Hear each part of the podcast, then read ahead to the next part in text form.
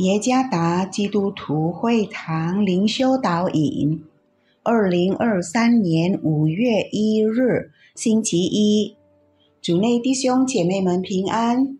今天的灵修导引，我们要借着圣经腓立比书第二章十三节来思想今天的主题：神的作为。作者以马内利牧师。腓立比书第二章十三节，因为你们立志行事，都是神在你们心里运行，为要成就他的美意。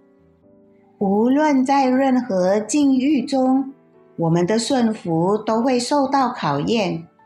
维持守对上帝的忠诚，才能体现顺服。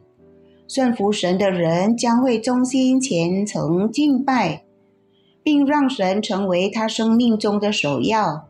每一个想要在神里面结果子的人，都必须顺服神，遵行神的话。我们的顺服不是因为有人监督，而是因为明白自己已领受了主耶稣的救恩。人类被罪恶玷污后，顺服神的心往往不能持续一致。有罪的人更喜欢按自己的意愿和思想行事，比起顺服神。因此，使徒保罗说：“唯靠着神的能力，并一颗爱神的心，我们才可能完全的顺服神。”很多时候，我们在某些情况下未能顺服上帝，因为我们不让上帝参与。而是按照自己的意念行事。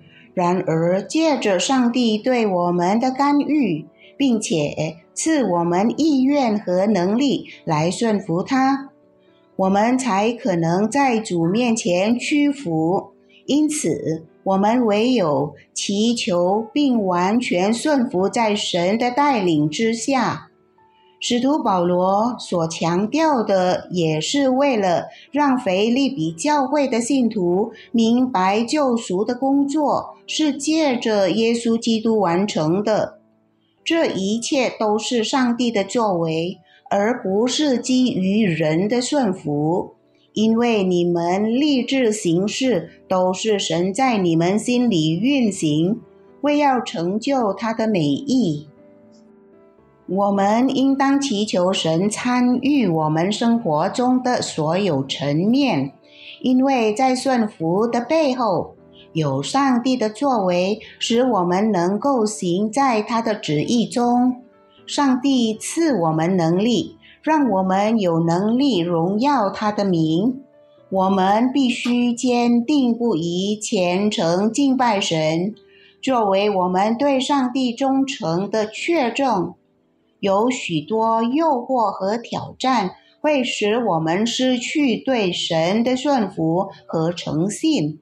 然而，若我们意识到基督在我们生活中的作为，并祈求他的帮助，那么我们就会持定心志顺服神。一颗顺服神的心，能让我们过一个荣耀他的生活。主耶稣赐福。